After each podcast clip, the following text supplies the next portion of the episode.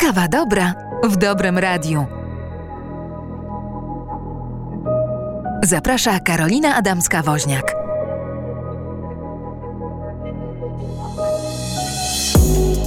Teraz idzie. Witam Państwa bardzo serdecznie w kolejnej kawie dobra.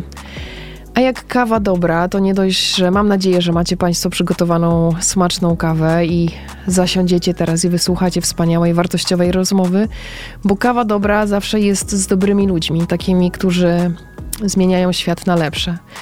I dziś moimi gośćmi są Edyta Czarnecka z Fundacji AITWAR. Dzień dobry. Dzień dobry i wyjaśni nam zaraz, co to pokrótce, co to za fundacja i dlaczego tam. No i ktoś, e, kogo pewnie Państwu przedstawiać nie muszę, bo to Maciej Gładysz, e, ale Dzień dzisiaj dobry. przedstawię go jako wolontariusza. Maciej Gładysz, wolontariusz, nie e, gospodarz tego radia. Dziś nie radiowo. Dziś nie radiowo, dziś jest moim gościem, proszę Państwa, także zamienił fotel. Nie wiem, jak się czuje w tym drugim, zaraz zapytamy. Jesteście ze mną tutaj dlatego, że obydwoje zaangażowaliście się bardzo intensywnie w pomoc uchodźcom. Sytuacja geopolityczna jest okropna i okrutna i tak ją trzeba nazwać. Jest wojna w Ukrainie, dzieją się rzeczy, które nigdy w życiu nie powinny spotykać drugiego człowieka, ale one się dzieją. I skoro ktoś krzywdzi, to pojawia się też ktoś, kto tym ludziom, którzy uciekają przed krzywdą, pomaga. Wy się zaangażowaliście i pytanie moje jest e, takie. Dlaczego, Edyto? Dlaczego zaangażowałaś się w pomoc uchodźcom? Co ciebie wołało? Albo dlaczego, albo po co?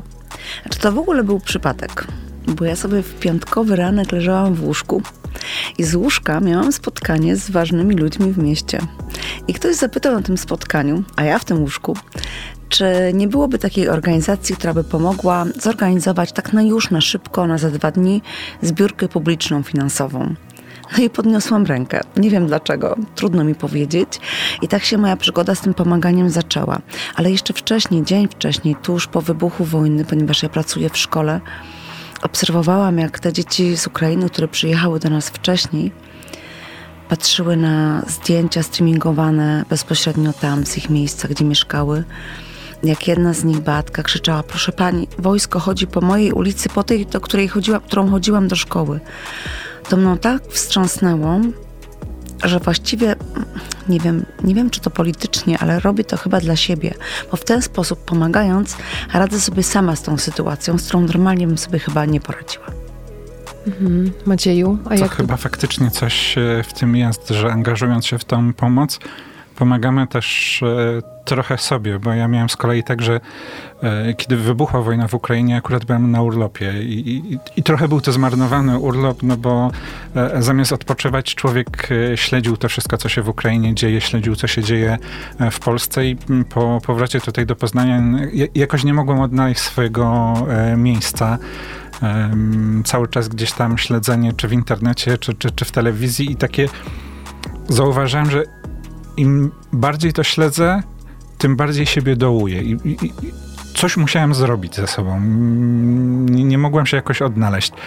E, Gdzieś na, na Facebooku zobaczyłem, że powstają różne grupy e, pomocowe. Okazało się między innymi, że zawiązała się taka zupełnie nieformalna, oddolna inicjatywa wolontariuszy, którzy pomagają na e, dworcu głównym w Poznaniu. Poszedłem najpierw jednego dnia, żeby zanieść tam jakieś dary. Na chwilę zostałem, zobaczyłem jak to działa, jak funkcjonuje i tego samego dnia, ale wieczorem pojechałem z drugą porcją darów, no i zostałem już tam na 10 godzin wtedy. Zaraz będziemy sobie o konkretach mówić, ale ja chciałabym jeszcze mimo wszystko wyciągnąć od was, jak to jest, że, e, no, że wy działacie. Jest wiele, wiele osób, którzy nie działają, a wy mimo wszystko była jakaś myśl w głowie albo coś, co was pchnęło do tego, żeby to zrobić. Czy to właśnie, już trochę wiemy, że to było, że te myśli w głowie, takie przerażające myśli, które, e, czy, czy te obrazy przerażające, które og- oglądaliśmy, że mamy na to niezgodę i czy to jest takie, że przez to, że działacie, em, to próbujecie ten świat naprawić, czy to jest trochę zagłuszanie tego bólu, który jest w sercu, który dzieje się drugiemu człowiekowi? Co to jest tak naprawdę, że jednego rusza z tej kanapy, a drugi jeszcze tego nie czuje? Nie czuję, dopóki pierwszy raz się nie, nie ruszy, bo to wciąga. Jak raz się zaangażuje e, ktoś w taką pomoc, nie ma odwrotu. Będzie chciał dalej pomagać. Bo poma- pomaganie, ja sama tego doświadczam od 20 lat, że pomaganie jest altruistyczne, tak się o nim mówi, że to, to jest coś dla drugiego człowieka, ale jest też egoistyczne, bo ono nam bardzo dobrze robi i to jest super w tym pomaganiu, że to jest taka relacja, w której obie strony dostają. Nie jest tak, że jednej się zabiera, czy jednej ubywa, tej, która pomaga, na korzyść tej, która odbiera, tylko to jest rzeczywiście taka relacja, która jest samonapędzająca się i pewnie im więcej dajemy, tym więcej uzyskujemy. Przepraszam, ja nie umiem odpowiedzieć wprost na to pytanie, dlatego że mm, ja mam to wbudowane chyba w krwiobieg, że po prostu pomagam. Jak jest potrzeba, to pierwsza biegnę e, z pomocą. Czasami się wycofuję, kiedy widzę, że, że moja pomoc będzie niepotrzebna albo czyjaś inna będzie, um, ba, będzie ważniejsza. Natomiast pomaganie mam we krwi, to jest mój naturalny odruch. Nie umiem tego nie robić. Ale to zostałaś tak wychowana? Czy mama tobie pokazała? Czy babcia coś mówiła? No... To, to jest tak naturalne, że trudno... To się ma. Tak, to się ma. Po Ale prostu to, chyba to się ma. Bo pytam was o to tak bardzo mocno drążę ten temat, no bo to jest takie moje pytanie, które sobie też stawiam od wielu, wielu lat. Czy to się ma? To znaczy dostajemy taki gen i koniec, kropka. Ty masz, dostałaś, jesteś społecznikiem i, od, i ciągle będziesz odzywała, jakby będziesz czuła w sobie chęć niesienia pomocy drugiemu człowiekowi, a ty skoro nie dostałaś, to już nigdy tego nie poczujesz? Czy to jest coś, że, że, że bo chodzi mi bardziej o tę grupę osób, które nie są tak e, reaktywne, które nie mają w sobie tego, że jak widzę, że potrzeba, to działam i pomagam. Żeby, co zrobić, żeby tę grupę mimo wszystko zaktywować? Ja myślę, że to nie jest tak, tak do końca takie czarno-białe, dlatego że są takie osoby, które po prostu sobie nie radzą. Nie radzą w tym pomaganiu, nie czują się kompetentne, uważają, że pomogą, ale w inny sposób, chociażby w taki, że, że powiedzmy coś, coś miłego napiszą na Facebooku albo uśmiechną się do pani Ukrainki w sklepie.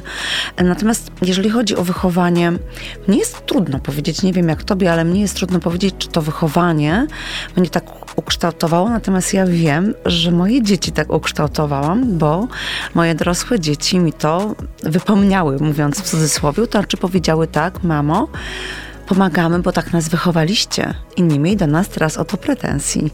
No nie mam, przecież, że nie mam. Ale skoro tak nawet nie potrafię wychwycić tego momentu w wychowaniu, kiedy ich tego nauczyłam, wydaje mi się, że to jest trochę tak, że my, my, w rodzinie dzielimy ludzi na dobrych i złych. E, nie ma innego podziału u nas. E, I pomagamy w zasadzie wszystkim. Mamy takie odruchy wszyscy w rodzinie. Skąd to się bierze? Jest. No, no, po prostu jest. Fakt faktem. Ciężko y, określić, skąd to się wzięło. To po prostu jest. I myślę, że w każdym człowieku gdzieś tam to y, dobro jest. Bardziej czy mniej ukryte. I teraz przy tym całym okrucieństwie e, wojny w Ukrainie, która jest, to chyba pokazało, że jednak u wielu osób to dobro gdzieś tam udało się odkryć i pewnie nie jedna osoba e, sama sobie się dziwi, ile w stanie dobrego była e, zrobić teraz w tych ostatnich tygodniach. I tak jak powiedziałeś wcześniej, ja też mam, mam taką nadzieję i mam marzenie, że że tego pomagania czy takich odruchów będzie coraz więcej, bo jak ktoś tego doświadczył, to już wie, że to jest cudowne. Pomagać drugiemu człowiekowi jest naprawdę, to jest taka relacja, czy taki, e, taka aktywność, która jest tylko dobra od początku do końca. Oczywiście trzeba dbać o siebie, bo ona też jest mhm.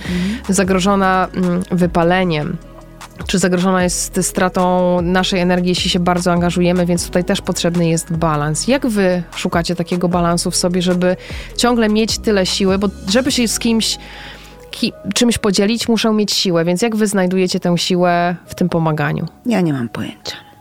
Samo pomaganie daje siłę. Tak, chyba tak. Czyli to jest ta taka samo nakręcająca się taka, taka jest, pętla? Tak, bo... Um, nawet sytuacja z ostatnich e, kilku dni, gdzie, gdzie tutaj e, w pracy czy od kilku znajomych e, usłyszałem, jak ty się niesamowicie zmieniłeś, ile w tobie jest energii, a to był czas właśnie, gdzie ja się dosyć mocno zaangażowałem w tą pomoc na dworcu, gdzie to wyglądało czasami tak, że wstawałem rano o 6, przychodziłem do pracy, prosto z pracy jechało się na dworzec, wracało się do domu druga, trzecia w nocy po to, żeby o 6 wstać do pracy. No więc fizycznie wydawałoby się, że człowiek powinien być zmęczony, e, zmarnowany, a wszyscy mi mówili, jak ty promieniejesz, ile w tobie jest niesamowitej energii. No właśnie z tego pomagania. Ja Chyba to tak. czuję, naprawdę. To, to, to tak działa, też tego doświadczam, że to jest... e, Ja szukam takiego dobrego słowa, w którym mogłabym to nazwać, bo ja mam, nazywam to tak trochę po młodzieżowemu, że się na przykład jaram tym dobrem. I to jest tak, że to, to ekscytuje mnie to. Jak robię coś dobrego, to właśnie tak jak mówisz, mam energię, dz- dzwonię do znajomych, dzielę się tym, mam dużo więcej radości w sobie, więc to taki apel też e, nasz do Państwa, że jak ktoś czuje, że to przesilenie wiosenne, to, to może radzimy zaangażować się w coś dobrego i to przyniesie dużo energii. A to wcale nie musi być nie wiadomo jak e, duża praca, jak duży wysiłek. To, to, to wcale nie trzeba teraz, nie wiem, iść na 10-12 godzin na wolontariat, na targi do areny, bo pomagać można naprawdę na wiele różnych sposobów. To są czasami małe gesty, małe słowa, czasami wystarczy po prostu być. Albo na przykład, tak jak nasza ostatnia akcja, m, biegać lub trenować i przy okazji liczyć kilometry i w ten sposób wspierać e, organizacje pozarządowe, czy wspierać potrzebujących. No to też opowiedz, jak to działa, co to znaczy? E, No to jest taka akcja, która wypłynęła nam na bazie współpracy z organizacjami pozarządowymi. Mamy ze sobą, rozmawiamy i wspieramy się w tym pomaganiu. E, Jedna z fundacji, która się nazywa Dzięki Tobie, właśnie ma taką akcję, gdzie zachęca i dorosłych, trenujących tak na poważnie e, i rowerzystów i seniorów do tego, żeby e, trenowali i przy okazji spisywali swoje kilometry, które przeszli, przejechali na rowerze czy przeszli z kijkami e, i znaleźli sponsorów, którzy za pakiet 100 kilometrów wypracowany przez wszystkich dają jakieś finansowe wsparcie i ta organizacja już dała na przykład na pomoc Ukrainie chyba mm, dwóm źródłom. To jest też takie fajne. Niby, niby nic się nie robi wielkiego, niby przy okazji, ale sama myśl, że człowiek jednak coś zrobił, może właśnie nie umie rzucić się do pomocy na dworzec PKP, nie wie jak to zrobić, nie czuje się na siłach, ale tu w tym małym e, wycinku swojego życia pomoże. Bo ja mam taką teorię, że człowiek lubi dobro i lubi być dobry. Nie zawsze może, ale na pewno lubi. Ale co to znaczy, że nie może? Czasami jest tak, że przeszkadza mu złość, którą w sobie albo pielęgnuje, albo ktoś wypielęgnował w nim, a czasami jest tak, że nie radzi sobie z tym światem, który go otacza i w ten sposób zapomina o tym, żeby być dobry. Złością przykrywa też często swoje niedostatki. Ale gdy takiemu człowiekowi pokazać, czym jest dobro, to on już w nim pozostanie. Nikt się nie oprze, prawda? Nie, nie ma szans. To powiedzmy, bo ja, ja też spotykam się z tym, że często mm, nie pomagamy, bo nie wiemy jak. To opowiedzcie jeszcze trochę konkretnie, na czym polega wasza pomoc e, i jak się w to zaangażowaliście. No bo ty, Edyto, działasz w fundacji, więc jesteś, jesteś e, takim społecznym duchem. Macieju, ty odpowiedziałeś po prostu z potrzeby serca na to, co się za, zadziało. To więc... był impuls. To był impuls, więc mamy takie dwa, dwa światy, dwa zestawienia, ale chciałabym, żebyście po- opowiedzieli konkretnie, y, co można zrobić, jak wy się zaangażowaliście w działalność dla uchodźców i jak przez to też można zaangażować inne osoby. W moim przypadku to e, był właśnie wolontariat na dworcu.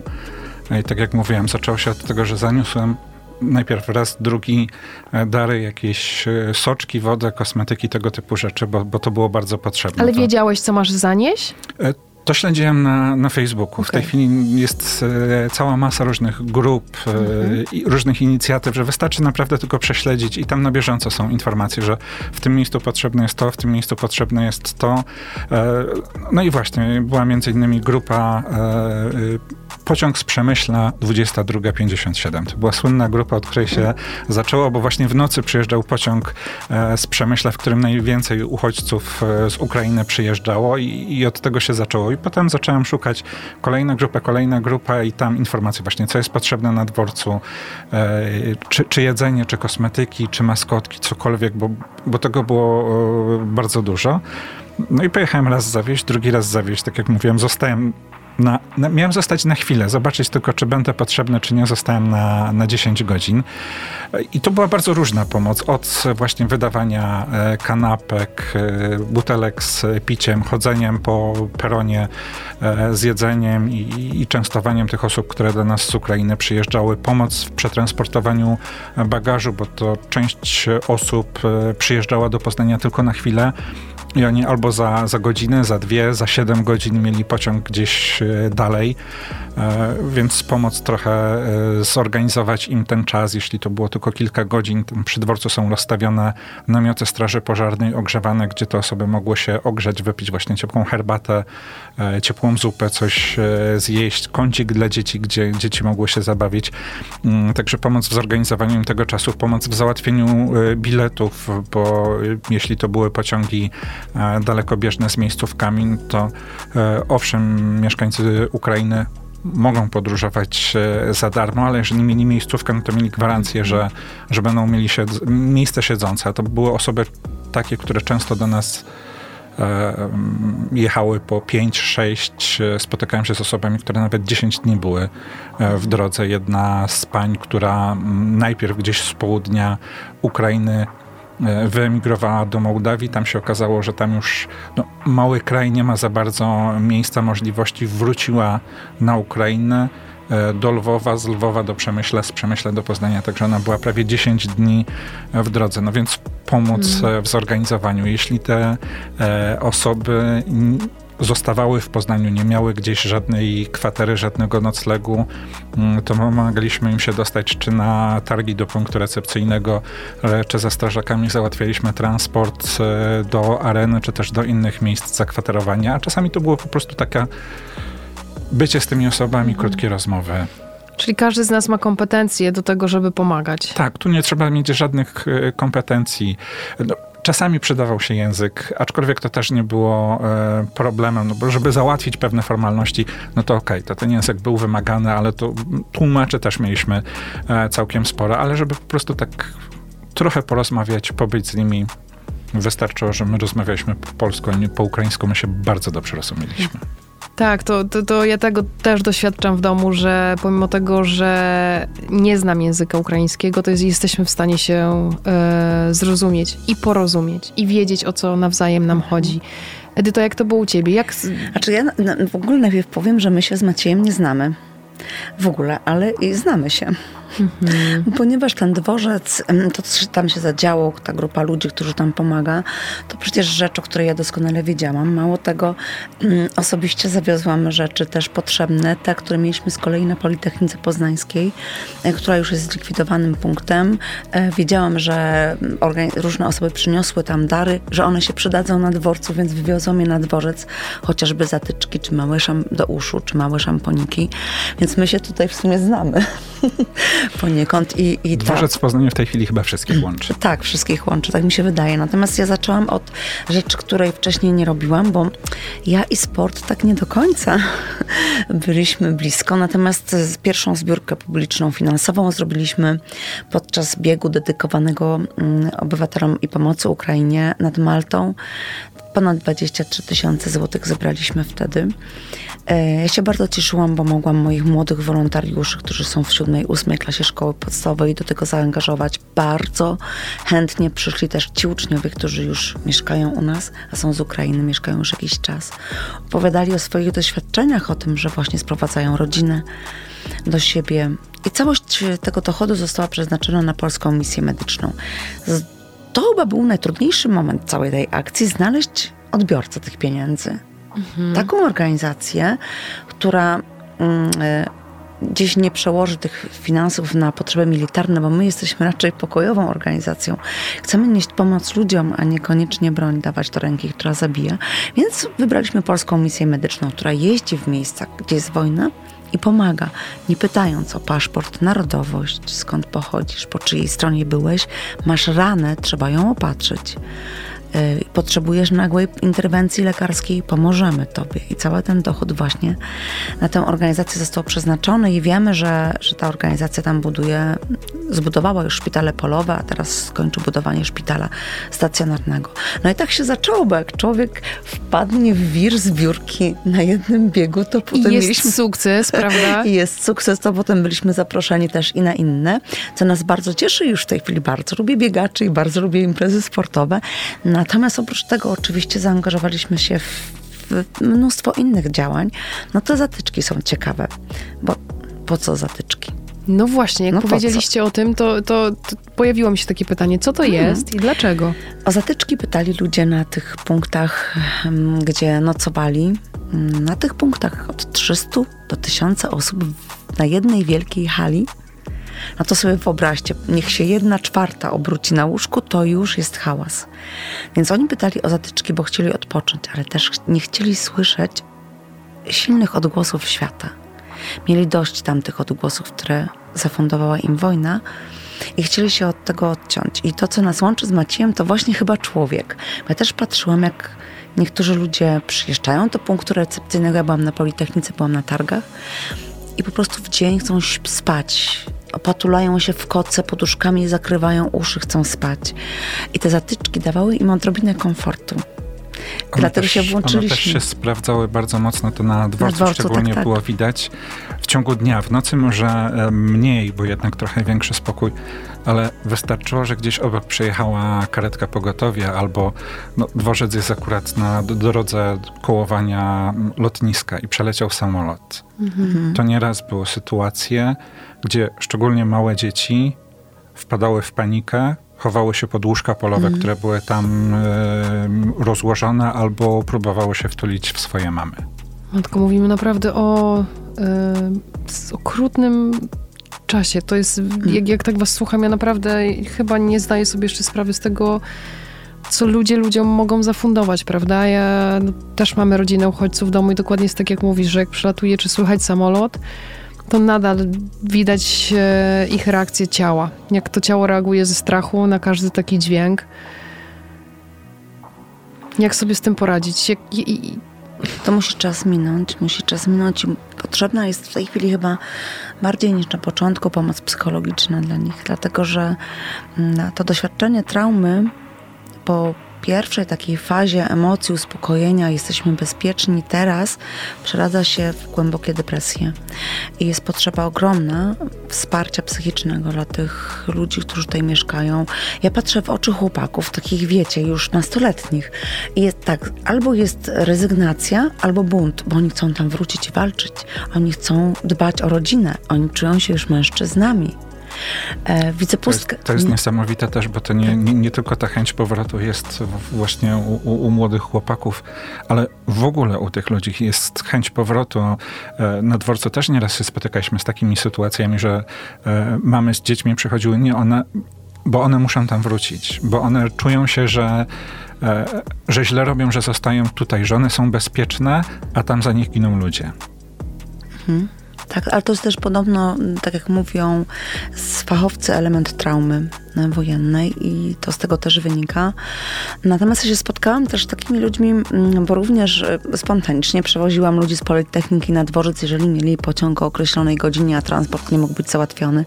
Ja się w tym samochodzie nasłuchałam i najbardziej uderzyła mnie rozmowa, kiedy mama jechała o kulach pani z młodym synem, podobno świetnym fizykiem. Wyjeżdżali do Gdańska, zdaje się, czy do Wrocławia. I ona przez całą drogę mówiła. Mówiła, jak, to, jak tak można, w XXI wieku, jak tak można, matki, dzieci. A jej syn, który siedział za mną, mówił, mama cicho. Ona miała potrzebę wygadania się i mówienia non-stop o tym, a on wręcz przeciwnie. I to też jest dla nas ważne, dla tych ludzi, którzy się z tymi uchodźcami spotykają, żeby, żeby odpowiedzieć na potrzeby jednych, i drugich. To jest bardzo trudne. A tych historii jest całe mnóstwo. To w zasadzie co osoba spotkana to jest niesamowita historia, których no, na długo zapadają. I jest potem problem, mm, to też widzieliśmy na dworcu, że ta pomoc psychologiczna, o- ona niedługo będzie potrzebna nie tylko uchodźcom z Ukrainy, ale też wolontariuszom, którzy są Tak, w tą koniecznie. pomoc zaangażowani. Ta, ta pomoc będzie naprawdę bardzo mocno e, potrzebna, bo historie i, i- i to wszystko, co tam się dzieje i to, i czego się człowiek nasłuchał, przyznam, że mm, po pierwszym dniu na e, dworcu, po tej pierwszej nocy, e, ja miałem straszną jakąś traumę. Ja na drugi dzień nie, nie mogłem się odnaleźć. Moim sposobem na poradzenie sobie z tym problemem było znowu pojechanie na dworzec. działanie, działanie. Ale no, historie zapadają na długo w pamięć. Tak, my w Fundacji organizowaliśmy takie szkolenie dla e, wolontariuszy ze Związku Harcerstwa Polskiego, kiedy, e, w którym mówiliśmy o tym, jak pracować z dziećmi z doświadczeniem uchodźczym, ale druga część była, jak zadbać o siebie w tej pracy, bo ona to jest bardzo ważne, a my wiemy, że to nie jest na krótki dystans, tylko wiemy od dawna, że na długo. Jak zadbać o siebie? Jak możemy zadbać o siebie? No, zadbać o siebie można w ten sposób, żeby jednak odciąć się od tego, co robimy. No, najlepszym sposobem jest wyjść na spacer i naprawdę poświęcić sobie e, dłuższą chwilę. Ja nie umiem tego robić, powiem szczerze. Przyznam, że ja też. Najłatwiej jest powiedzieć, złapać dystans do tego, tak. bo tak powinno to być, ale, ale czasami się nie da. Bo pytam was o to, bo często właśnie posługujemy się takimi e, frazami czy radami, których e, część z nas nie rozumie. Ja też na przykład nie rozumiem, bo, bo często słyszy się złap dystans, złap dystans, właśnie tak jak mówisz, ale co to znaczy? Odpocznij. Co to znaczy? Kiedy ja odpocznę. Czy jak się prześpię, to jest odpocznie, ale ja nie mogę zasnąć. Dlatego mhm. pytam o konkretne takie kon konkretne sposoby. Każdy, każdy, ma chyba inny sposób mm. na to i każdy musi ten sposób e, znaleźć w sobie. Bo dla jednych, dla jednych to faktycznie będzie może ten spacer, spotkanie się ze znajomymi, gdzieś tam całkowite odcięcie, zapomnienie o, ty, o tych e, sprawach. Dla innych to będzie jeszcze większe zaangażowanie się e, w tą pomoc, ucieczka od tego wszystkiego właśnie poprzez pomoc. Także to chyba każdy musi gdzieś znać ten swoje możliwości i, i, i, gdzieś samemu spróbować złapać ten balans. Uczestnicy tego naszego szkolenia mówili, każdy miał inny pomysł na to. Jedna mówiła, ja lubię sprzątać, bo jak wpadam w szał sprzątania, skupiam się na tym i przestaję o tym myśleć. Ktoś inny mówi, nie, nie, ja muszę wyjść na spacer do lasu bez telefonu, wyciszyć się. No to też jest udowodnione naukowo, taki 20-minutowy tak. kontakt z naturą bez telefonu, to o 40% obniża poziom kortyzolu, więc jest to prawda. Ktoś mówi inny, ja się za, zagłębiam w książkę. Mnie relaksuje praca w kuchni. Ono proszę. Czyli to jest znowu tak, że musimy sami e, poznać siebie. Tak. I to jest taki wgląd głęboki w to, co dla nas dobre. A to nie jest łatwe. To nie jest łatwe, żeby poznać siebie i wiedzieć, co dla mnie jest dobre, co nie jest dobre, bo potrzebujemy tego momentu wytchnienia. Tak jak powiedzieliście, że ci ludzie, którzy tu przychodzą, oczywiście mają traumy związane z dźwiękami, ale to też jest takie ogromne przebodźcowanie. I tam, gdzie człowiek e, znajduje swoje schronienie, to jest pewnie cisza i bycie samemu ze sobą. Stąd taka potrzeba pewnie ciszy u tych ludzi, żeby przez moment pobyć tylko ze sobą i nie, nie odseparować się od tego świata zewnętrznego i te zatyczki do uszu trochę... Takie, takie niby, niby nic, a jednak daje im komfort. My jako fundacja też o, o, zadzwonił do, do nas pan, który poprosił o pomoc w załatwieniu łóżek. No my w fundacji nie mamy łóżek, ale w ciągu godziny załatwiłam ich aż 12, czyli miałam nadmiar. Zawieźliśmy do tej rodziny ukraińskiej łóżka. E, załatwiliśmy im też biureczka, laptop, telewizor, różne rzeczy. E, tylko byliśmy bardzo ostrożni, żeby nie być nachalni w tym naszym pomaganiu i widzieliśmy, że posta postawili taką barierę w pewnym momencie. Myśmy się delikatnie wycofali, ale to, co zapadło mi w pamięć, to to, jak kobieta, która przyjechała z dwójką dzieci, pokazywała film, jak dzień wcześniej po południu zbombardowali im dom. I ona sobie nie mogła z tym poradzić. Ktoś jej po prostu ten filmik przysłał i mówi, nie mamy już do czego wracać. A bardzo chcieli, bo tam jeszcze mieli rodzinę. I to jest też dla mnie takie przeżycie mocne, silne. Zostawiłam ich w tym przeżywaniu samych, dając taki wentyl bezpieczeństwa. Chcesz, będziesz miała potrzebę, zadzwoń.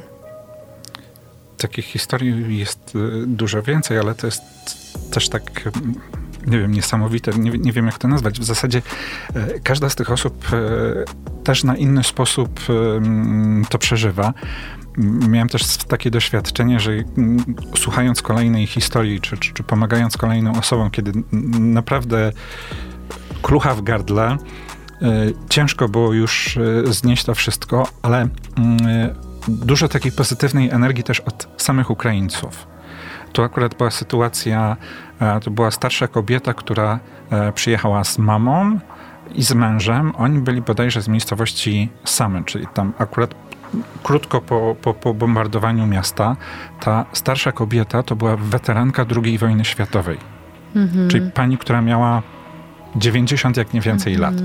Ona już nie poruszała się też sama, ona była na takim coś ala chodziku. E, ona siedziała i nogami się tylko e, odpychała. Ta córka była załamana, bo mówi, kiedy wyjeżdżaliśmy z Ukrainy, ta mama jeszcze sama chodziła. Tu już był problem, mieliśmy problem z czwórką strażaków, żeby ją wyciągnąć mhm. z pociągu. I y, kiedy ja rozmawiałem z mężem y, córki tej kobiety i, i, takie rozeznanie właśnie skąd oni przyjechali, na jak długo, czy oni tutaj w Poznaniu zostają, w jego oczach było widać takie zrezygnowanie. I on mówi, że no, kazali im tu przyjechać, on no, tak na dobrą sprawę nawet nie wie, gdzie oni są, co to jest za miasto, na jak długo oni tu są. No, byliśmy mhm. uczeni też, że zawsze mamy się właśnie zapytać, czy oni planują wrócić, czy zostać, to on mówi, że on nie wie, co oni planują i do domu na pewno nie wrócą, bo ich domu już nie ma. Ich dom został zniszczony. E, za to ta seniorka rodu, ona miała w sobie tyle pozytywnych energii, ona wszystkich nas tak zarażała pozytywną e, energią. Było widać taką już z jednej strony spokój i radość w oczach i kiedy my tacy trochę przygaszeni, zmartwieni. Ona mówi, ale czym wy się przejmujecie? Ja już jedną wojnę przeżyłam, tam też przeżyję. Hmm. Zobaczycie, będzie dobrze. I chyba takich e, wypowiedzi, e, czy takich ludzi się chwytamy, prawda? Bo ja też zauważyłam, że chwytam się tego, co dobre. Chwytam się tego, że ktoś mi powie, wiesz, przeczytałem, że ta wojna się niedługo skończy. I ja z taką naiwnością dziecka trochę pewnie, trochę takiej marzycielki chwytam te informacje i się nimi karmię, chyba po to, żeby móc funkcjonować. I też ja z kolei staram się w tym wszystkim szukać dużo dobra, które mimo wszystko, mimo, mimo tego całego okrucieństwa, które w Ukrainie cały czas się dzieje, jest tyle dobra, które się w nas zrodziło. To, to widać po tych wszystkich akcjach, które się dzieją. Właśnie, czy, czy, czy ja obserwując to, co działo się na dworcu, gdzie my się zastanawialiśmy, czy po dwóch, trzech tygodniach jeszcze będziemy mieli co rozdawać, czy będą kanapki, czy będzie woda, czy no, tego w tej chwili jest tyle i ta pomoc tak narasta. E, I jeśli chodzi o wolontariuszy, są dni, że naprawdę czasami jest więcej wolontariuszy niż osób, którym e, trzeba pomóc, więc to jest naprawdę niesamowite, ile dobra w nas się e, zrodziło. I, i to są na dworcu przynajmniej wolontariusze nie tylko tutaj z Poznania. Ja pracowałem z chłopakiem z Mozambiku. E, wolontariuszki z Hiszpanii, które tutaj studiują na Erasmusie, czy nawet któregoś kilka razy przyjechała grupa Hiszpanów studiujących tutaj, gdzie e, robili zrzutkę, e, wśród osób, które tu studiują, ale też wśród swoich znajomych w Hiszpanii, jechali do sklepu, kupowali, przyjeżdżali z całymi wielkimi koszami e, i nie tylko jedzenia, bo, bo na dworcu wszystko się znajdowało w pewnym momencie. Były i wózki dla dzieci, i wózki inwalidzkie, odzież, rzeczy, kuwety dla kotów, karmę dla kotów, no, nosiki takie, e, gdzie, gdzie można było te zwierzęta przenieść. Tam było po prostu wszystko i cały czas Przybywało. pomoc przy, i, i, cały czas napływa. I tak jak ty o tym opowiadasz, to ja sobie widzę to jako, że nie tylko taka, e, no taka rozpacz, która wylewa się za tymi uchodźcami wysiadającymi z pociągu, bo, bo ona jest, ale z drugiej strony właśnie ta radość i to dobro, które przybywało od nas, poznaniaków i, i, i, i w tym zderzeniu można było mimo wszystko odnaleźć taką nadzieję, że, że dobro jest silne, Myślę, że tak. I tu naprawdę wielki szacunek, wielkie ukłony dla tych wszystkich, którzy się w tą pomoc angażują. Nie, nie tylko na dworcu, ale w arenie, na targach, we wszystkich tych punktach, gdzie są organizowane czy zbiórki odzieży, czy zbiórki żywności, czy są miejsca zakwaterowania to, co ci ludzie robią, to jest naprawdę niesamowita rzecz. To, co wy robicie, bo wy jesteście takimi osobami, które się właśnie angażują, więc te podziękowania ja też kieruję wam za to, że jesteście, że działacie, że macie w sobie tę... To tylko taki mały. Każdy, wiesz, każdy mały, każdy jakby zrobił ten jeden mały krok, ruch, oddał swój jeden dzień, jedną godzinę nawet, to, to, to się dzieje dużo, bo jest nas, dwie, jest nas wielu. Więc jak każdy zrobi coś dobrego, to rzeczywiście to pomaga. Jak ty to widzisz, Edyta? No ja to widzę w ten sposób, że gdybym ja ruszyła tylko z pomocą sama jako jednostka, nic bym nie zrobiła. W związku z powyższym, e, tak jak powiedziałeś, nie chcę się powtarzać, na wszystkich tych punktach e, pomocowych jest mnóstwo wolontariuszy przekochanych, którzy nie bacząc na to, że muszą za chwilę iść do pracy czy na studia, całodobowo czasami pełnią dyżury również w nocy. I to czasami w różnych warunkach atmosferycznych. I w różnych warunkach atmosferycznych. Ja też patrzyłam na taką grupę z Fundacji Logos e, na Politechnice. Wspaniali ludzie. Natomiast chciałabym się uczepić tego, co powiedziałeś przed chwileczką, chociaż to w moich ustach nie, nie zabrzmi dobrze, bo ja lubię przekuwać porażkę w sukces. Trudno przekuć wojnę w sukces. Oczywiście, to, to nie, ma, nie ma wątpliwości. Natomiast wyciągam to, co dobre z tego wyszło i to, co powiedziałeś, to, że się ruszyliśmy do pomocy tak globalnie, tak, tak zbiorowo. To, że na przykład ja zbierając na półmaratonie poznańskim pieniądze na Wowika, który od trzech tygodni chodził w tych samych rzeczach, dostałam drugiego dnia od pana siatkę pełną nowych ciuchów, bo, bo tak stwierdził, że pomoże. Dla mnie to jest niesamowite. Ja się tam popłakałam prawie, że widząc, widząc co on mi przynosi, a za chwilę po tej audycji właśnie jadę kupić Wowikowi y, buty i potrzebne mu rzeczy, bo jest tylko z mamą. Sytuacja, gdzie na dworzec przyjeżdża nagle bus na holenderskich, brytyjskich mm. czy niemieckich e, tablicach rejestracyjnych, bo gdzieś przeczytali w internecie, że tu w Poznaniu jest taka grupa i wolontariusze, którzy pomagają i oni zrobili zbiórkę wśród znajomych i postanowili przywieźć te dary tutaj do Poznania. I my sami byśmy tego nie zrobili. Serce rośnie, prawda? Jak opowiadacie tak. o, tych, o, tych, o tych sytuacjach, to rzeczywiście też mam ciary na plecach, bo, no bo to jest takie, ta, właśnie ta fascynacja dobrem, że, że tyle dobrego się dzieje, że tyle dobrego jest w nas. Po co nam ta wojna? Może po to? Można w ogóle, tak jak powiedziałaś, to trudno, trudno to jakoś zracjonalizować, ale ta wojna się dzieje, więc co, co znaczy, możemy z niej... Trudno powiedzieć, żeby coś z niej dobrego wyciągnąć, bo, bo wojna jest złem robienie krzywdy drugiego, drugiemu człowiekowi jest złem i dla mnie niezrozumiałym. I to powinno się zakończyć teraz tu natychmiast, prawda? E, powinno się zakończyć. Ja na przykład w przeciwieństwie do ciebie nie, nie oglądam telewizji, nie słucham tych, mm, tych relacji, ponieważ no, rozchorowałam się, nie zadbałam o siebie, nie byłam w lesie i nie posprzątałam domu. E, w związku z tym na dwa dni się rozłożyłam trochę i dotarła do mnie wieść te najnowsze z tych miejscowości, gdzie nie będę kończyć. I nie mogłam sobie z tym poradzić. Bardzo to przeżywałam. Nie wiedziałam w ogóle, jak no, na jednym bym tam pojechała i tych ludzi wyrwała stamtąd. Mm, I teraz, kiedy no, już okrzepłam trochę z tej mojej choroby, rzucam się w wir pomocy tu i teraz. I to w takiej pomocy, która dociera do pojedynczego człowieka, do, do tych ludzi, którzy naprawdę, których historię też znam trochę i którym mogę pomóc tak realnie i zobaczyć, że oni się rozkwitają, uśmiechają się, bo Wowik w 2014 z Donbasu uciekł. Miał 6 lat. Pierwszy raz zabrano mu dom. Potem tułał się po Ukrainie, tułał się po Słowacji. Wreszcie osiedlili się, znaleźli swoje miejsce na ziemi, na swojej ojczystej ziemi i wybuchła wojna teraz. On ma teraz 14 lat. Mhm. Znowu nie ma domu. I chociaż tę namiastkę w postaci dywanu i odzieży mu damy. Bo jak inaczej? Tak słucham ciebie, y, Edyto, was słucham i pojawia mi się w głowie coś takiego, w głowie, w sercu, coś takiego, jak bardzo wdzięczni powinniśmy być każdego dnia za to, że mamy łóżko, z którego rano tak. wstajemy, za to, że mamy pościel, którą się przykrywamy, za to, że mamy dach nad głową i za to, że idziemy pod prysznic i tam leci woda, leci ciepła woda i możemy się umyć balsamem, ulubionym, ulubionym który pachnie. Za to, mhm. że możemy założyć na siebie świeżą odzież. Tak, bielizna.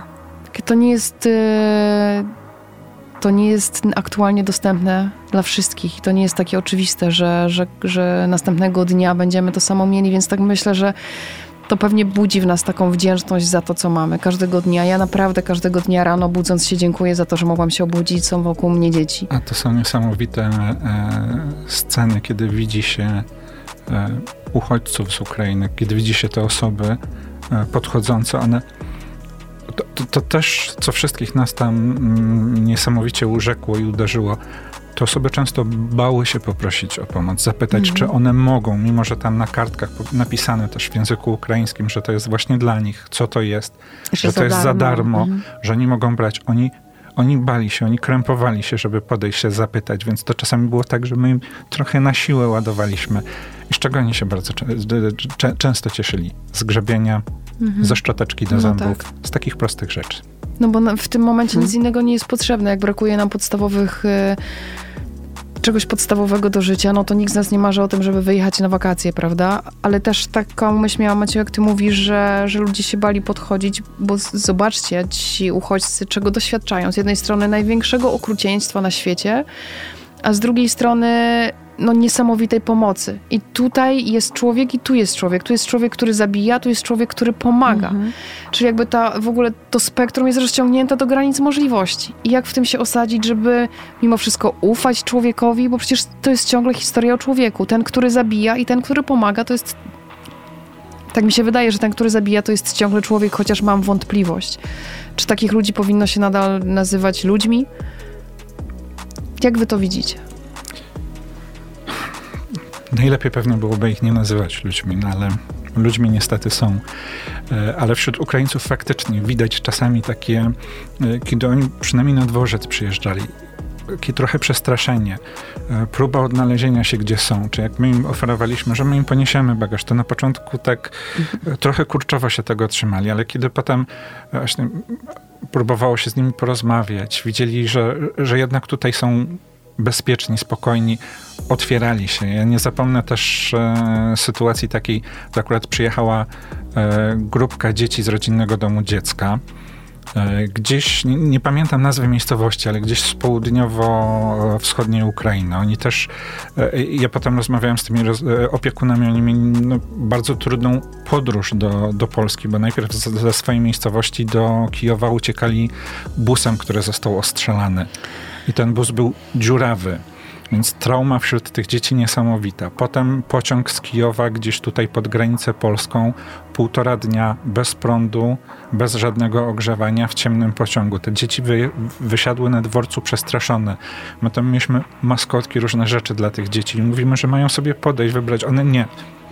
Stały kurczowo trzymało się tych swoich opiekunów, no to my wzięliśmy te kartony, przynieśliśmy i zaczęliśmy im dopiero wtedy te dzieci gdzieś tam zaczęły się e, otwierać, zaczęły wybierać te maskotki, tulić się do nich, no a takim punktem e, kulminacyjnym, i co stwierdziliśmy, że to musimy być potem zaopatrzeni, to się okazały e, te takie urządzenia do baniek mydlanych. Jak tylko Oj, gdzieś tam tak, któraś z wolontariuszek zaczęła puszczać bańki, te dzieci nagle zapomniały o tym wszystkim, co się działo. I, i w tym momencie, gdzie na, na twarzach tych opiekunów była jakaś taka troska, pojawił się uśmiech, że jest już spokojnie. Oddychaj, oddychaj, oddychaj, jesteś w dobrym miejscu. Są bańki, więc to jest dobre miejsce. Rzeczywiście niesamowity lodołamacz dla takich dzieci, które no, walczą o przeżycie, uciekają tak naprawdę przed kulami. To też o kulach zobaczcie, bo to też mi się tak, tak, tak próbuję sobie to wszystko jakoś usmysłowić. Te kule, przed którymi dziećmi uciekały, są niemalże takie same jak te bańki.